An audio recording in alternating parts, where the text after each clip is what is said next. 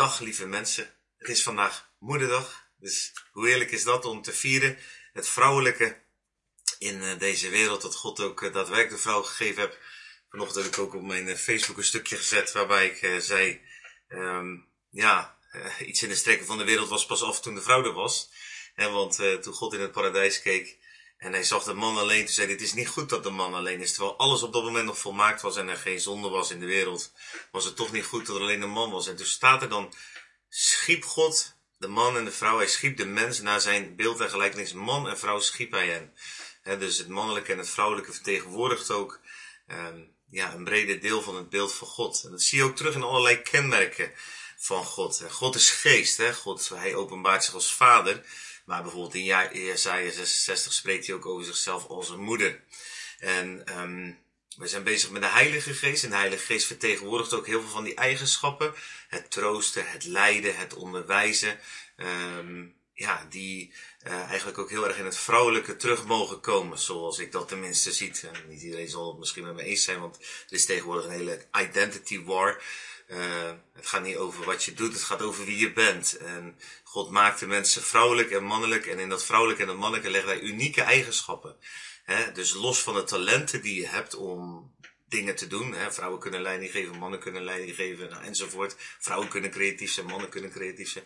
Er zijn heel veel dingen die we gewoon kunnen doen. Hebben we ook bepaalde eigenschappen waar we sterker in zijn. Een kind wat valt, rent in eerste instantie altijd naar de moeder. Dat is een natuurlijk, dat is gewoon hoe het is. Een kind wat aan het voetballen is en zijn vader staat aan de lijn, dan zei de trainer tegen mij, dan doen ze altijd meer de best. En dan, doen ze nog wat harder, omdat de vader natuurlijk bevestigt in wat ze zijn. Dus er zit gewoon een verschil in. En als Jezus de Heilige Geest aankondigt, is vind ik altijd heel interessant, dan zegt hij direct, hij noemt hem de trooster. Johannes 16, daar staat in eh, vers 7, ik zeg u de waarheid, het is nuttig voor u dat ik wegga, want als ik niet wegga, dan kan de trooster niet naar u toe komen. Als ik heen ga, dan zal ik hem naar u toe zenden.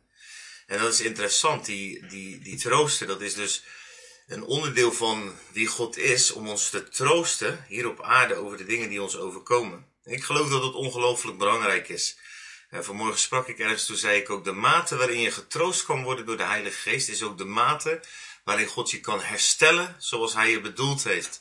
En naar zijn plan en naar de orde zoals God het bedoeld heeft. En zijn plannen die hij heeft over jou. Dus de mate waarin je troost kan ontvangen, bepaalt ook de mate waarin God herstel kan uitwerken in je leven. Ik geloof dat dat echt zo is. Want troost is eigenlijk de bodem voor heling. En zonder dat die troost er is, ja, dan kan heling ook daadwerkelijk niet, eigenlijk niet echt vasthechten in onze levens. En dan kan er dus ook niet een duurzame heling en een duurzame genezing ontstaan. Nou, ik wil speciaal voor deze moederdag ook die prachtige tekst uit Jesaja 66 even erbij pakken. Die gaat namelijk ook over troost. En is diezelfde Heilige Geest. En um, ik zoek hem er even bij, dus we eventjes uh, naartoe gaan. Daar staat deze prachtige tekst. Uh, Verblijd u over Jeruzalem, verheug over haar, alle die haar lief hebben. Wees vrolijk met haar, met vreugde, alle die treurt. Omdat u mag zuigen en verzadigd worden aan een vertroostende borst. Opdat u zich met volle teugen mag laven aan de overvloed van haar heerlijkheid. En dan zegt, dan zegt God dit. Want zo zegt de Heer, zie, ik doe de vrede naar u toestromen als een rivier. En de luister, de heerlijkheid van heidevolken, als een alles overstromende beek. Dan zult u zuigen en u zult op de heup gedragen worden en op de knieën vertroeteld worden. Zoals iemands moeder hem troost, vers 13. Uh, eh, ja, Jezaja 66, vers 13. Zoals iemands moeder hem troost, zo zal ik u troosten. Ja, in Jeruzalem zult u getroost worden. U zult het zien, uw hart zal vrolijk worden en uw gebeente zal groeien als het jonge gras. En dan zal de hand van de Heer gekend worden door zijn dienaren. Hoe mooi is dat? Dus we moeten die troost ontvangen, zodat de hand van God ook zichtbaar wordt door ons leven. En dit zegt iets over het karakter van God. dus los van de context die in het kader van Jeruzalem staat in dit geval, uh, gaat het ook over het grotere plaatje van het hart van God wat ons wil troosten, zoals een moeder haar kinderen troost. Nou, wat een heerlijke gedachte dat we een God hebben die ons wil troosten. En in het bijzonder in de Nieuwtestamentische tijd waarin we leven, dat Hij daarvoor de Heilige Geest gegeven heeft. En ik wil je vanmorgen uitnodigen om jezelf open te zetten om die troost te ontvangen op deze moederdag.